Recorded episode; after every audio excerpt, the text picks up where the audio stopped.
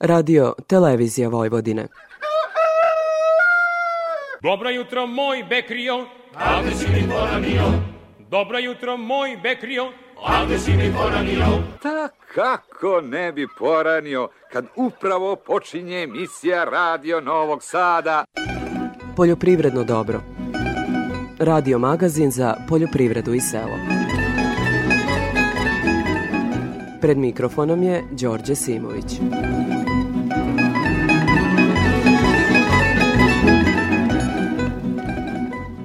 Poštovani slušaoci, dobro jutro. Poljoprivredni sadržaj na Radio Novom Sadu emituju se od osnivanja radija 1949. godine.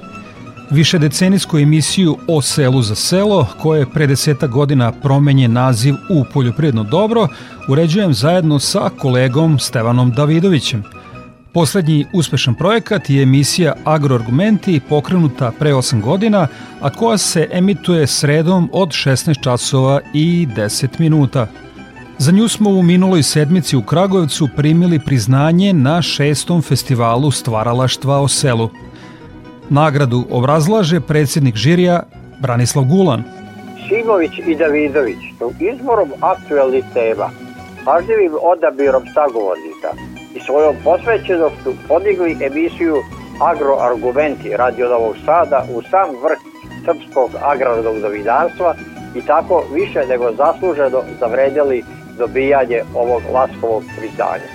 Nastojat ćemo da i u buduće opravdavamo ukazano poverenje – a u zemljama gde je stočarstvo razvijeno, odavno se mesnato svinja i goveda uzima u obzir kod plaćanja životinja, dok je kod nas to još uvek samo težina, to jest živa mera životinja. Dobro je da smo se pomerili sa mrtve tačke – Naime, završen je twinning projekat podrška uspostavljanju sistema klasiranja trupova u skladu sa zajedničkom poljoprivrednom politikom Evropske unije, čiji je smisao bio obuka da se na liniji klanja tovljenici goveda klasiraju na osnovu mesnatosti. Prema rečima profesora na Poljoprivrednom fakultetu u Novom Sadu Ivana Radovića, naredna godina biće godina prilagođavanja, a od 2025. godine klanice koje kolju više od 500 svinja i 40 goveda nedeljno moraće da se prilagode novom sistemu plaćanja po kvalitetu. U situaciji kada svinje prodajemo kao živu meru, cene se diktiraju na osnovu, aj kažemo, nepisanih pravila. I svi ulaze u tu proizvodnju sa možda nedovoljno znanja, nedovoljno iskustva, na tom nedovoljno znanju, nedovoljno iskustva kupuju genetiku, aj kažemo, sumnjevog kvaliteta, uzimaju hranu, misleći da sa hranom dobro mogu da poprave nešto i na kraju imaju samo skupu proizvodnju.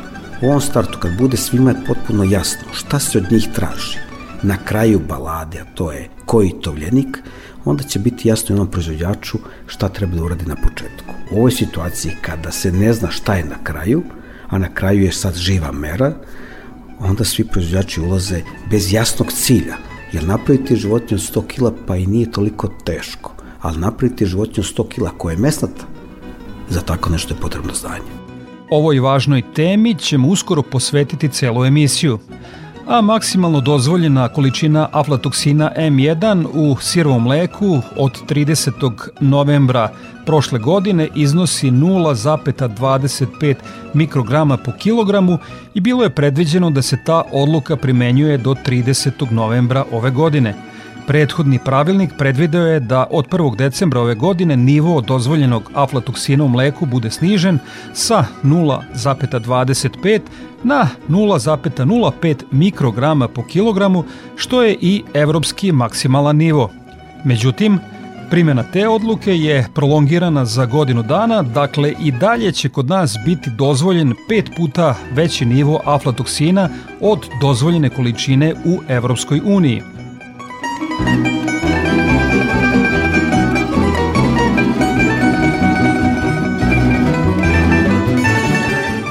Već dve decenije u Srbiji intenzivno se ulaže u podizanje vinograda i u kvalitetnu preradu kupovinom najsavremenije opreme.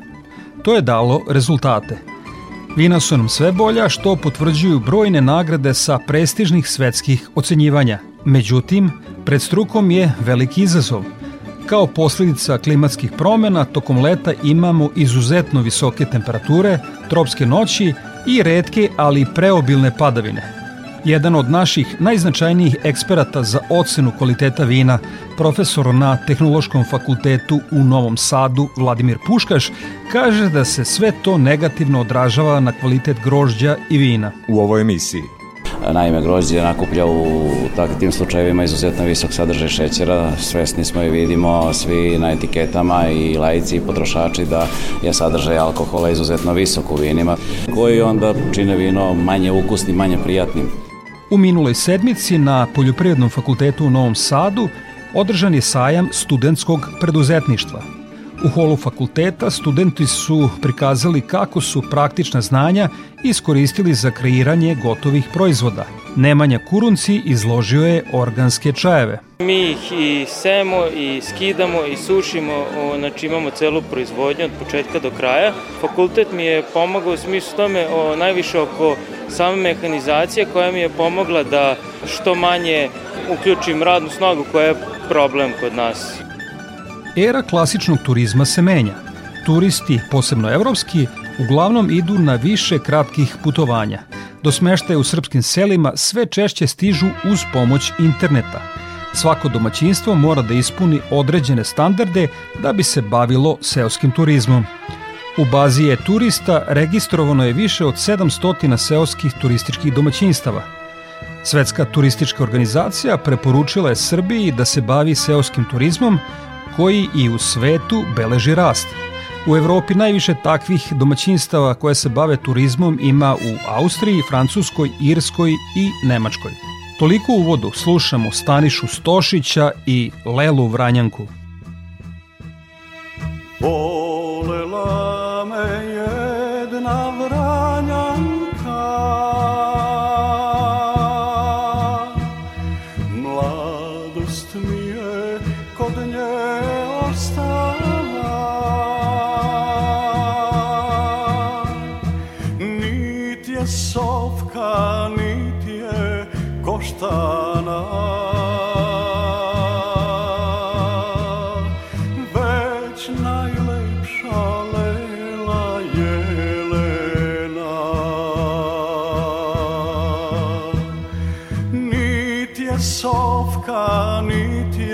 je koštana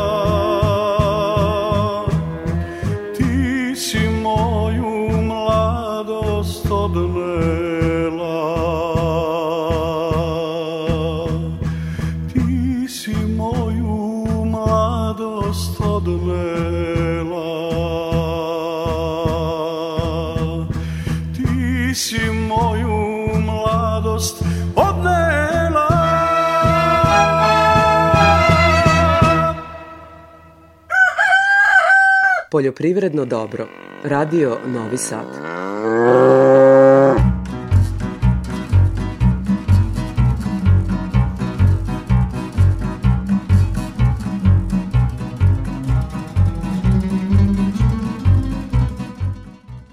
U nastavku poljoprednog dobra sledi detaljnija agroprognoza Ljiljane Đingalašević iz Hidrometeorološkog zavoda Srbije. Promenljivo i toplije vreme od uobičajenog za ovaj deo decembra obeležilo je proteklu sedmicu. Minimalne jutarnje temperature bile su od minus 2 do 11 stepeni, a maksimalne dnevne od 8 do 20 stepeni. Pritlu je tek ponegde bilo slabih prizemnih mrazeva. Optimalni temperaturni uslovi i dobar dotok padavina u jesenjem periodu omogućavali su kvalitetno ukorenjivanje, bokorenje ozimih useva i pripremu za predstojeće mirovanje vegetacije. Tokom proteklih dana bilo je padavina sa dospelim količinama do 35 mm. Važnost zemljišta i zimska rezerva vlage sa dosadašnjim padavinama u svim proizvodnim područjima je dobra. Tokom proteklih dana uočeno je prisustvo krilatih i beskrilnih formi lisnih vaši. Takođe pregledom useva ozime pšenice na parcelama gde je bila redukovana predsetvena obrada, registruje se prisustvo aktivnih rupa od glodara, poljskog miša i poljske voluharice. U pogledu biljnih bolesti na usevima ječma su prisutni simptomi mrežaste i sočivaste pegavosti lista. Prema prognozi tokom većeg dela naredne sedmice očekuje se uglavnom suvo i toplije vreme od uobičajenog za ovo doba godine. U većini mesta maksimalne dnevne temperature će biti u intervalu od 10 do 14 stepeni, osim u mestima gde će se magla ili niska oblačnost zadržati veći deo dana. Novo naoblačenje sa slabom kišom i manjim padom temperature očekuje se u drugoj polovini sledeće sedmice. Za radio Novi Sad iz Republičkog hidrometeorološkog zavoda Ljiljana Đingalašević. U delu emisije posvećenom zaštiti bilja pažnju posvećujemo glodarima koji već sada prave velike štete. O svemu važnom će nas obavestiti Milena Marčić iz prognozno izveštajne službe.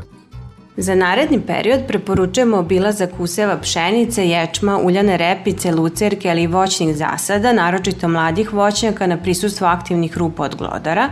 Ovu godinu obeležilo intenzivno prisustvo ovih štetočina još od ranog proleća.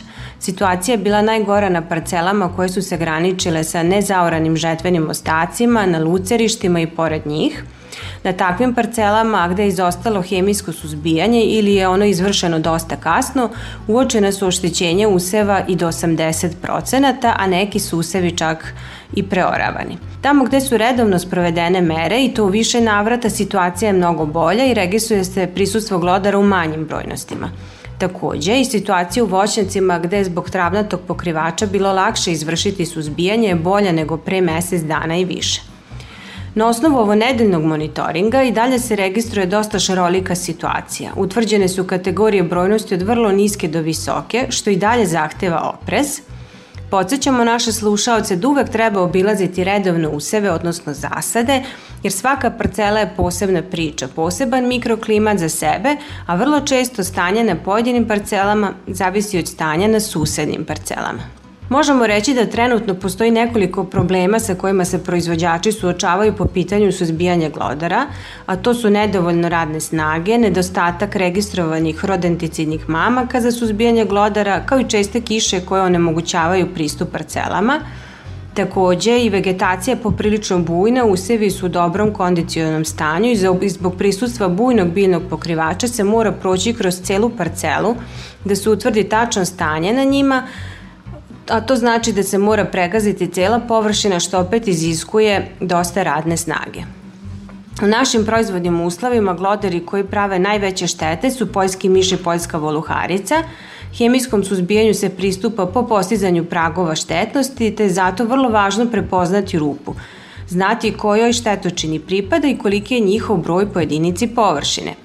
Poljski miš pravi podzemne jazbine koje imaju svega jedan do dva ulazna otvora, a poljska voluharica obrazuje kolonije koje se lako raspoznaju po utabanim stazicama koje spajaju ulazne otvore i te utabane stazice između rupa nastaju zbog njihovog kretanja jer vuku stomak po zemlji. Dakle, kod poljskog miša nema stazice između rupa, dok kod poljske voluharice ima više rupa povezanih stazicama. Zato se i pragovi štetnosti kada se pristupa suzbijanju razlikuju iz ove dve štetočine. Za poljskog miša prag štetnosti je 10 do 50 aktivnih rupa po hektaru, dok je za poljsku voluharicu taj prag veći od 10 do 500 aktivnih rupa po hektaru. Nakon primene registrovanih mamaka, rupe treba obavezno zatrpati zemljom da ne bi došlo do, to, do otrovanja divljači i stoke. Takođe, za kraj da napomenemo da izuzetno važno i da se svi oni koji vrše suzbijanje glodara pridržavaju svih raspoloživih preventivnih mera radi zaštite sobstvenog zdravlja, da koriste zaštitnu opremu, radno odelo, rukavice, masku i da izbegavaju direktan kontakt sa rodenticidima. Iz prognoza izveštene službe za zaštitu bilja Milena Marčić. Slušamo Nestora Gabrića i pesmu Zarasle su staze moje. Zarasle su staze moje. I sad one puste stoje. Bele ruže nema više pokraj staze da miriše bele ruže nema više pokraj staze da miriše. Stazama sam prolazio kad sam dragoj odlazio od kako se ona uda ne prolazim više tuda.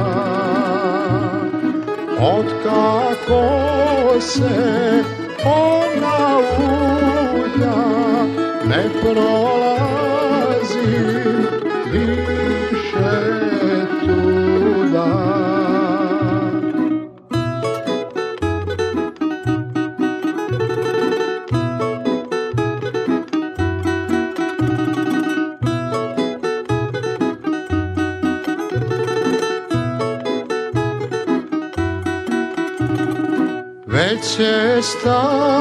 coração.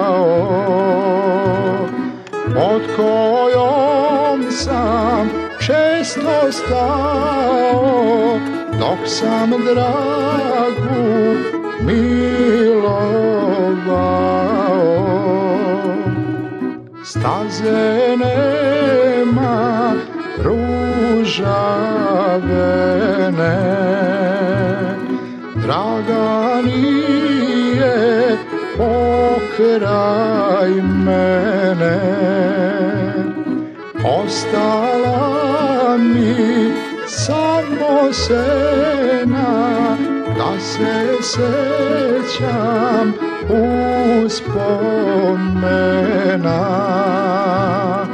Ostala mi samo sena da se sećam uspomena.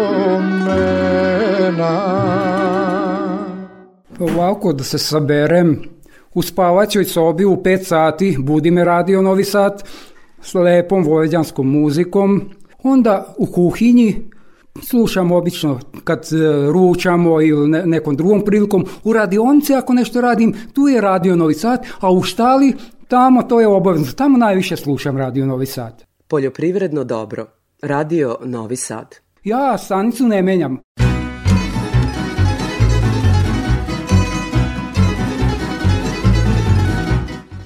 O prometu žitarica na produktnoj berzi više Daniela Pećerić.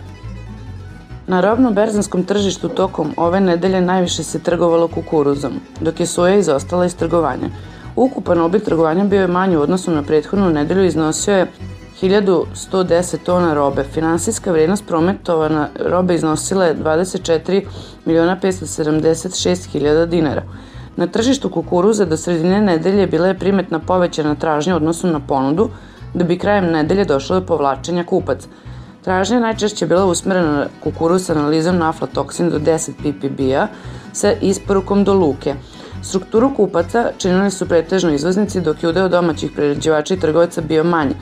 Kukuruzom se trgovalo u cenovnom rasponu od 18 dinara do 19 dinara po kilogramu bez PDV-a.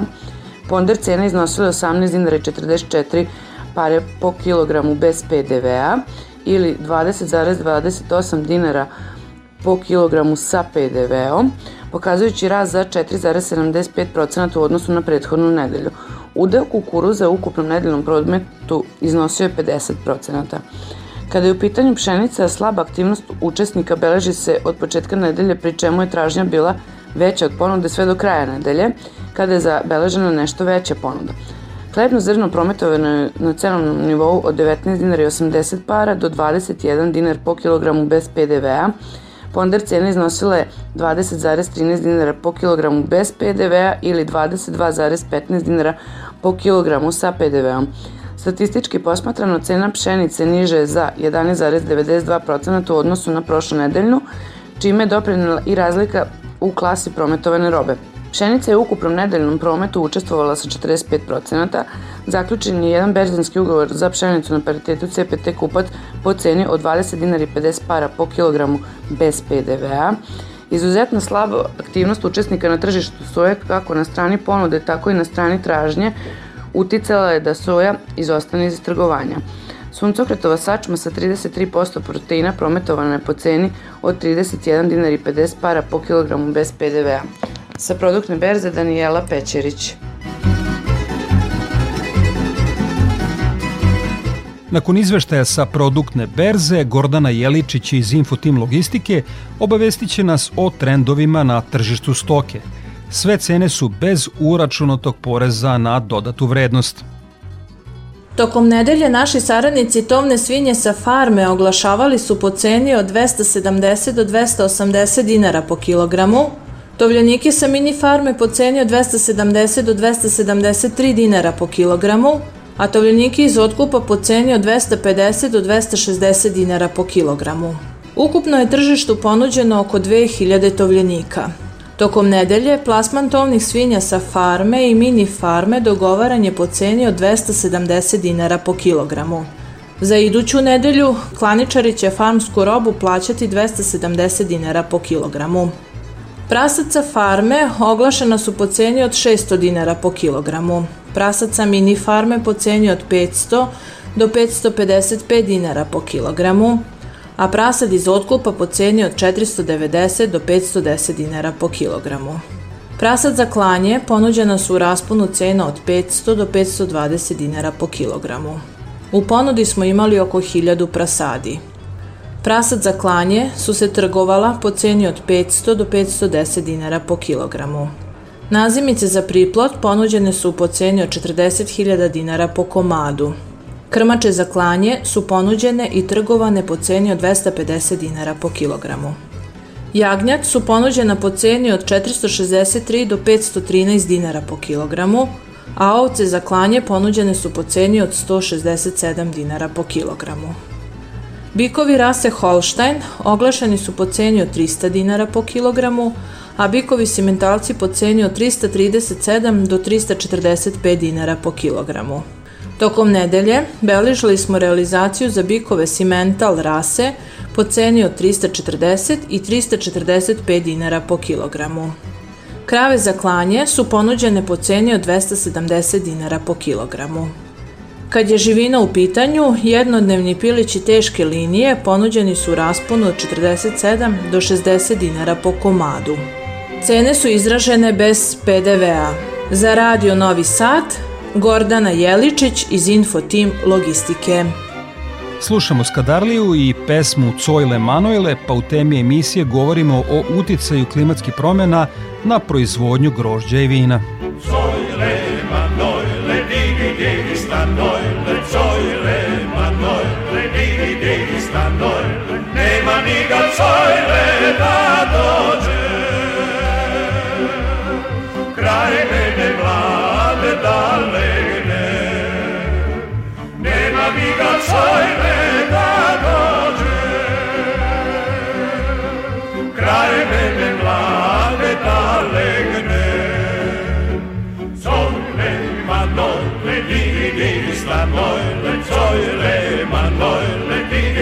digi digi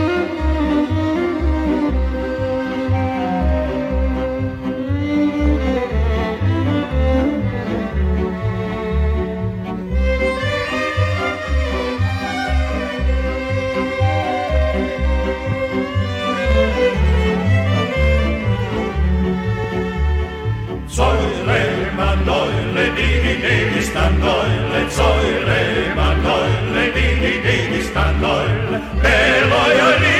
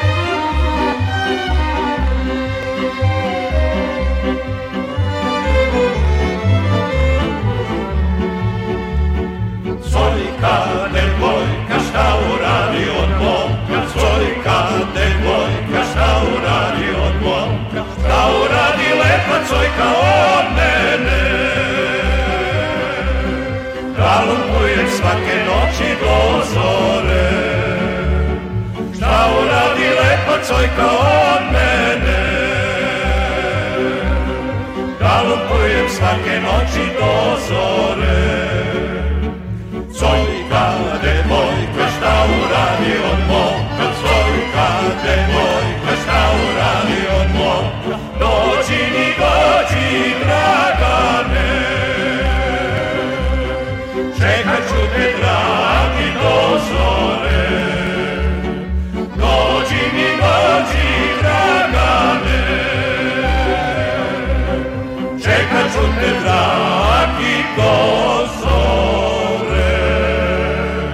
Tema emisije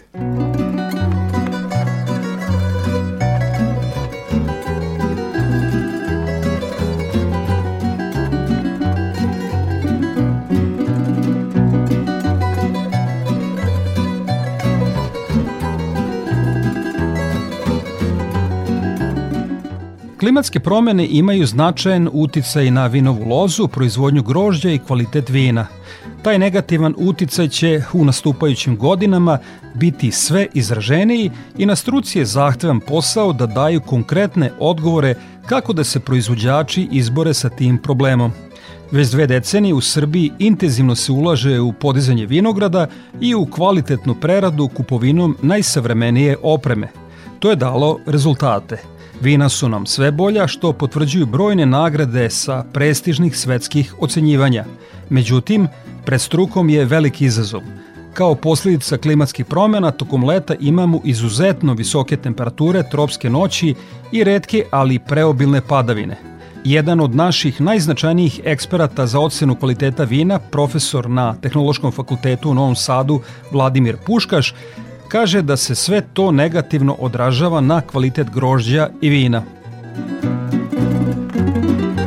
kako klimatske e, promene utiču e, na kvalitet vina?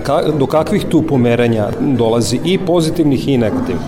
Pa vidite, imamo dosta, pa, jedan niz godina već jednu uh, konstantnu pojavu možemo reći baš skoro da i da je konstantna, da su letnje temperature izuzetno visoke, e, znači neravnomerna raspodela padavina, visoke letnje temperature, tropske noći koje su nam sve češće, sve to značajno utiče na e, fenolni sastav, naročito crnog grožđa, na kiselinski sastav, e, sve to nam pravi određene poteškoće u preradi takvog grožđa, znači fenolna zrelost grožđa, naime grožđe nakuplja u takvim slučajevima izuzetno visok sadržaj šećera, svesni smo i vidimo svi na etiketama i lajci i potrošači da je sadržaj alkohola izuzetno visok u vinima, znači mi smo uh, taj problem pokušavali čak kada smo radili nacrt zakona o vinu da prevaziđemo nekako i da pomerimo tu gornju granicu, dozvoljenu gornju granicu sadržaja alkohola u vinima, jer jednostavno da se ne bi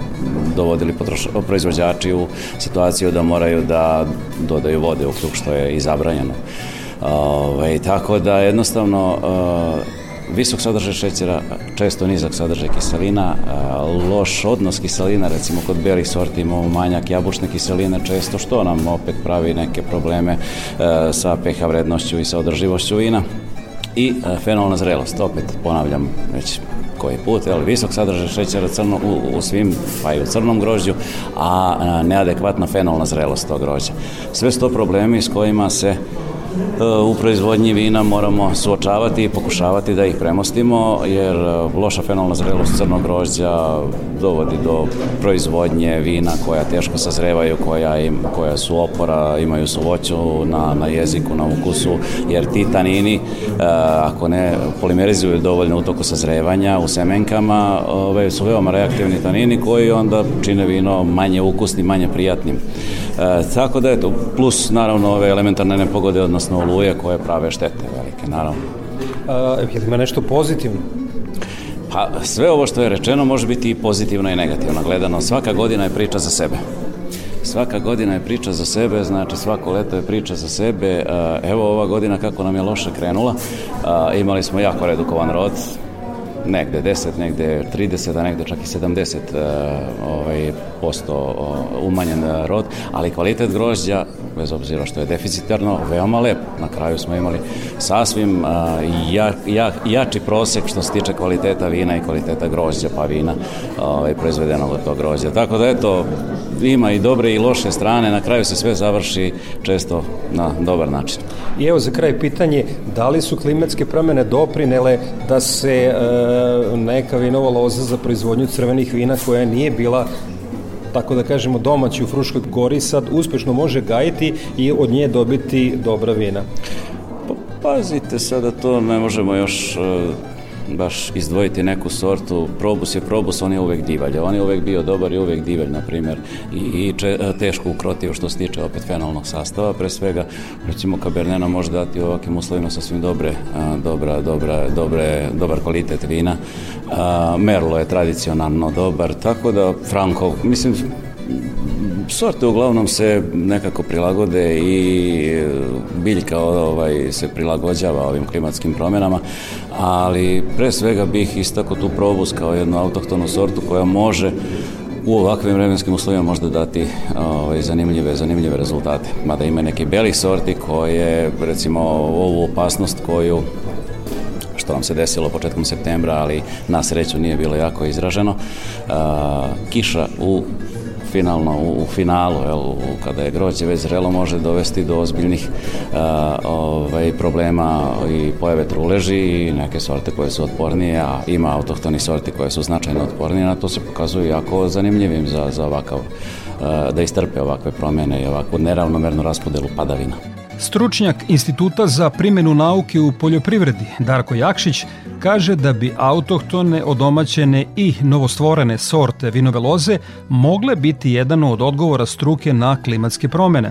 Što se tiče klimatskih promjena, u nekoj skorijoj budućnosti možemo reći da naše sorte uh, će dobiti na značaju, s obzirom da su pre svega stare lokalne sorte dosta prinosne sorte, tako da će ove suše koje će uh, zbog klimatskih promjena koje se dešavaju, više temperature na neki način i odgovarati njime će se smanjiti prinos, poboljšati kvalitet. Međutim, za neku dalju budućnost uh, već moramo da tražimo neke alternativne mere, odnosno određene aktivnosti, da li promjena podloga, promjena lokaliteta njihovog gajanja i tako dalje, kako bismo mogli da na najbolji mogući način valorizujemo te naše sorte. Što se tiče domaćih novostvorenih sorti, još uvijek su proizvođači manje više nepoverljivi prema svim sortama. Smatramo da one zavrednju mnogo više pažnje i trebamo da svi zajedno naučno dokažemo da su one jako kvalitetne jer su pre svega stvorene u našim agroekološkim uslovima i da možemo pružiti svetu i biti prepoznatljivi prema tim sortama.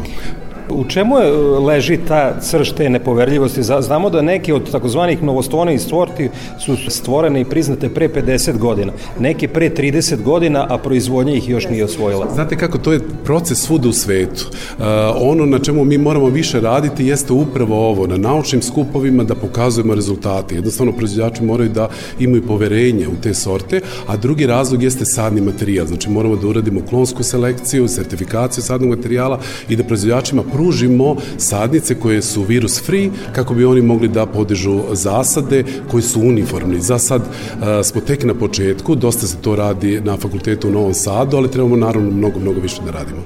Znači, sa mnogim investitorima sam bio, vi se s jedne strane bavite strukom u našoj zemlji, imate dobar tim, ali neko sa ogromnim kapitalom kad dođe ovde podiže vinograde i prvo što se odluči kupi sadni materijal iz Raušeda iz Italije. Koliko to boli naše stručnjake, pod navodnicima? I tekako boli, moramo malo više uraditi na tome, možda čak i a, kroz neke mere koje više, a, koje, koje više, da se više novca daje za domaće sorte i domaći sadni materijal, ali to je ta razlika, znači u a, nekim rasadniča, rasadnicima u inostranstvu postoji bez virusa sadni materijal, kod nas još uvijek ne dovoljno, znači moramo da radimo na sertifikaciji, to, je, to će verovatno biti jedan od zaključaka danas. Naravno, moramo raditi više i na promociji, ali sami naši proizvođači moraju da jednostavno uh, budu uvereni uh, da sa našim sortama i sa našim kvalitetnim sadnim materijalom mogu da dobiju kvalitetne vinograde, a zatim i grožđe vinoviskog kvaliteta. Nakon stručnjaka Instituta za primjenu nauke u poljoprivredi Darka Jakšića, čućemo varednu profesorku na Poljoprivrednom fakultetu u Zemunu, Mirjam Vujadinović-Mandić, koja je doktor meteoroloških nauka i već gotovo deceniju i po proučava utice klimatskih promjena na poljoprivredu. Ne možemo znati kako će se ponašati ljudi u budućnosti, koliko će emitovati gasova sa efektom staklene bašte koji su odgovorni za klimatske promene koje danas živimo sa njima, ali možemo da znamo ukoliko se o, određena koncentracija gasova sa efektom staklene bašte nađe u atmosferi, kako će onda izgledati ovaj, klima na, na zemlji, a i klima u Srbiji. I ono što, čem, što je sigurno da će se dešavati i u budućnosti jeste dalje povećanje temperature tokom svih sezona, a najviše tokom leta. Zatim preraspodela padavina u smislu da će leto koje je tradicionalno sezona kod nas sa najvećim količinom padavina postajati sve sušnije, a povećavaće se količina padavina u proleće sa manje snežnih padavina u toku zime zime, znači manje um, rezerve vlage u zemljištu na početku vegetacijone sezone zbog povećanja temperature, produžavaće se vegetacijona sezona, ubržavaće se određene fenofaze skraćivaće se, dakle, onda zbog intenzivnih padavina koje će biti sve češće, imaćemo probleme sa erozijom zemljišta, poplavama, bujicama, slično, takođe povećane vlažnosti doprinose ovaj, većoj čestini pojave nekih bolesti biljnih, ili tako, um, imaćemo sve češće intenzivniju pojavu suša koje će ovaj, zauzimati sve veće prostore. Do sredine uh, ovog veka možemo da očekujemo da svaka godina bude sa sušom. Um, i to će predstaviti najveći problem za generalnu poljoprivrednu proizvodnju. Um, možemo očekivati često pojavu toplotnih talasa, a, koji su sada svake godine u, ovaj, uobičajeni već. Uh, I to je to. I kad sve to znamo, kako možete preporuku dati onom ko se razmišlja e, da podigne novi vinograd, da znamo da se vinograd podiže na 30-40 godina, o čemu da razmišlja? Jeste, mora da razmišlja unapred, je 30 i 40 godina, mora da razmišlja o tome kako će klima biti u budućnosti. Do sada je klima bila statistička veličina, nismo razmišljali o njenoj promeni i danas moramo da vodimo računa o tome. Jako je bitno uključiti informacije o klimatskim promenama u planiranje, naročito podizanje tih zasada koji treba da plodonose sledećih nekoliko desetina godina i u tome svakome može da pomogne recimo platforma koju je oformio UNDP u saradnji sa Ministarstvom poljoprivrede. E, platforma se zove Digitalni atlas klime Srbije, koji obuhvata podatke, klimatološke podatke u Srbiji i o, o prošloj klimi i o budućoj klimi i onda bi svako za svoju lokaciju na nekoj, sa kojoj određenom, da kažem, verovatnoći mogao da vidi kakva će klimatska kategorija da bude u sledećih 20, 30, 40 do kraja veka godina. Kako bi dobili oznake geografskog porekla za svoja vina, vinogradari i vinari moraju detaljno da analiziraju zemljište. Davanjem preporuka na bazi analiza između ostalog se bavi i Jordana Ninkov iz Laboratorije za zemljište Instituta za ratarstvo i povrtarstvo. Nakon višegodišnjih opsežnih analiza došla je i do zanimljivih rezultata – Dobro znamo da sastav zemljišta može da utiče i značajno utiče na kvalitet grožđa i stabilnost prinosa. Prema našim obsežnim istraživanjima imamo jednu generalnu uh, sliku zemljišta vinograda na teritoriji Srbije koje su generalno siromašna uh, osnovnim hranjivima, pre svega organskom materijom, a zatim fosfora i kalijom. To opet i uh, problematika lokaliteta, specifično je za neke krajeve, da oni prirodno geohemijski mankaju kao recimo šumadija u fosforu. Uh, u Vojvodini nemamo toliko tih problema, ali što se tiče sadržaja mikroelemenata, tu je situacija još složenija. Prema našim istraživanjima, generalno fali cinka i fali bora na pojedinim lokalitetima. Kao mikroelementa oni imaju snažan uticaj na kvalitet grožđa i važno je da analiziramo zemljište. Ono što je manje za, poznato i zastupljeno jeste folijarna analiza, odnosno analiza lišća vinove loze. Ona se nekada široko praktikovala i potrebno je da se radi svake sezone, e, svake vegetacijone sezone kao fina podešavanja, jer nam sastav sastav zemljišta ne reflektuje uvek i ono što će biljka zaista usvojiti. Kada se ona uzima, prema našem istraživanju, najbolje u fazi cvetanja i najbolje da se analizira liska. Znači, možemo list vinove loze da podelimo na listnu dršku i na samu tu lisku. U listi imamo veći sadržaj mikroelemenata i bolju sliku onoga što je biljka zaista usvojila. Svaki proizvođač mora da vodi računa o sastavu svog zemljišta, jer je on u prednosti da možeš značajno da ga poboljša i e, važno je da se analize zemljišta rade redovno, kao i folijarne analize. Naša laboratorija za zemljište u institutu vam stoji na raspolaganju za ove vrste analize. Čuli smo Jordanu Ninkov sa Instituta za ratarstvo i povrtarstvo. Toliko u današnjoj temi emisije u kojoj smo govorili o uticaju klimatskih promjena na proizvodnju grožđa i kvalitet vina. Slušamo šajku i pesmu Jesen stiže, Dunjo moja. Jesen stiže, Dunjo moja, ne miriše više cveće, zumbulale, jorgovani.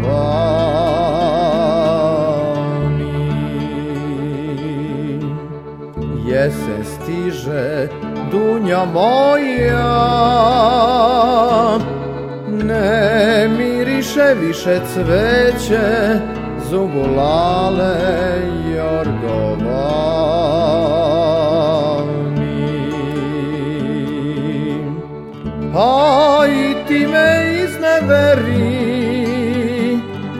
dunja moja Otišla si slavuj čuti Lišće žuti. Jesen stiže Dunja moja Ne miriše više cveće Zumbulale jorgovani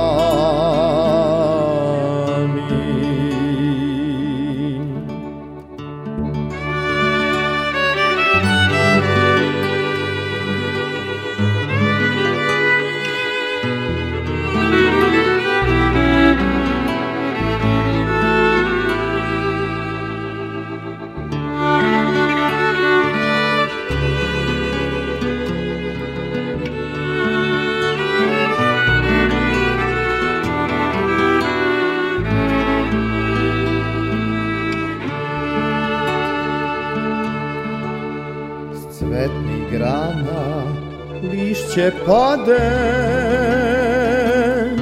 S njima ode moja mladost Moja ljubav, moje nade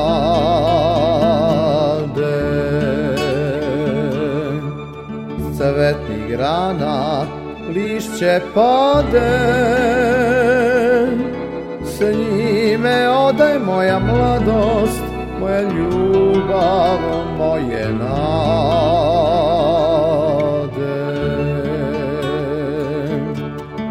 A i ti me izneveri, dunja moja, otišla si slavu i čuti, lišće žuti. Ni sad ne znaš koliko patim Kad se setim Jorgovana, Ljudičica Jasmina. A i ti me izneveri, Dunja moja. Otišla si slavu čuti, lišće žuti. Jesen stiže Dunja moja. Ne miriše više cveće Zumbul lale Jorgova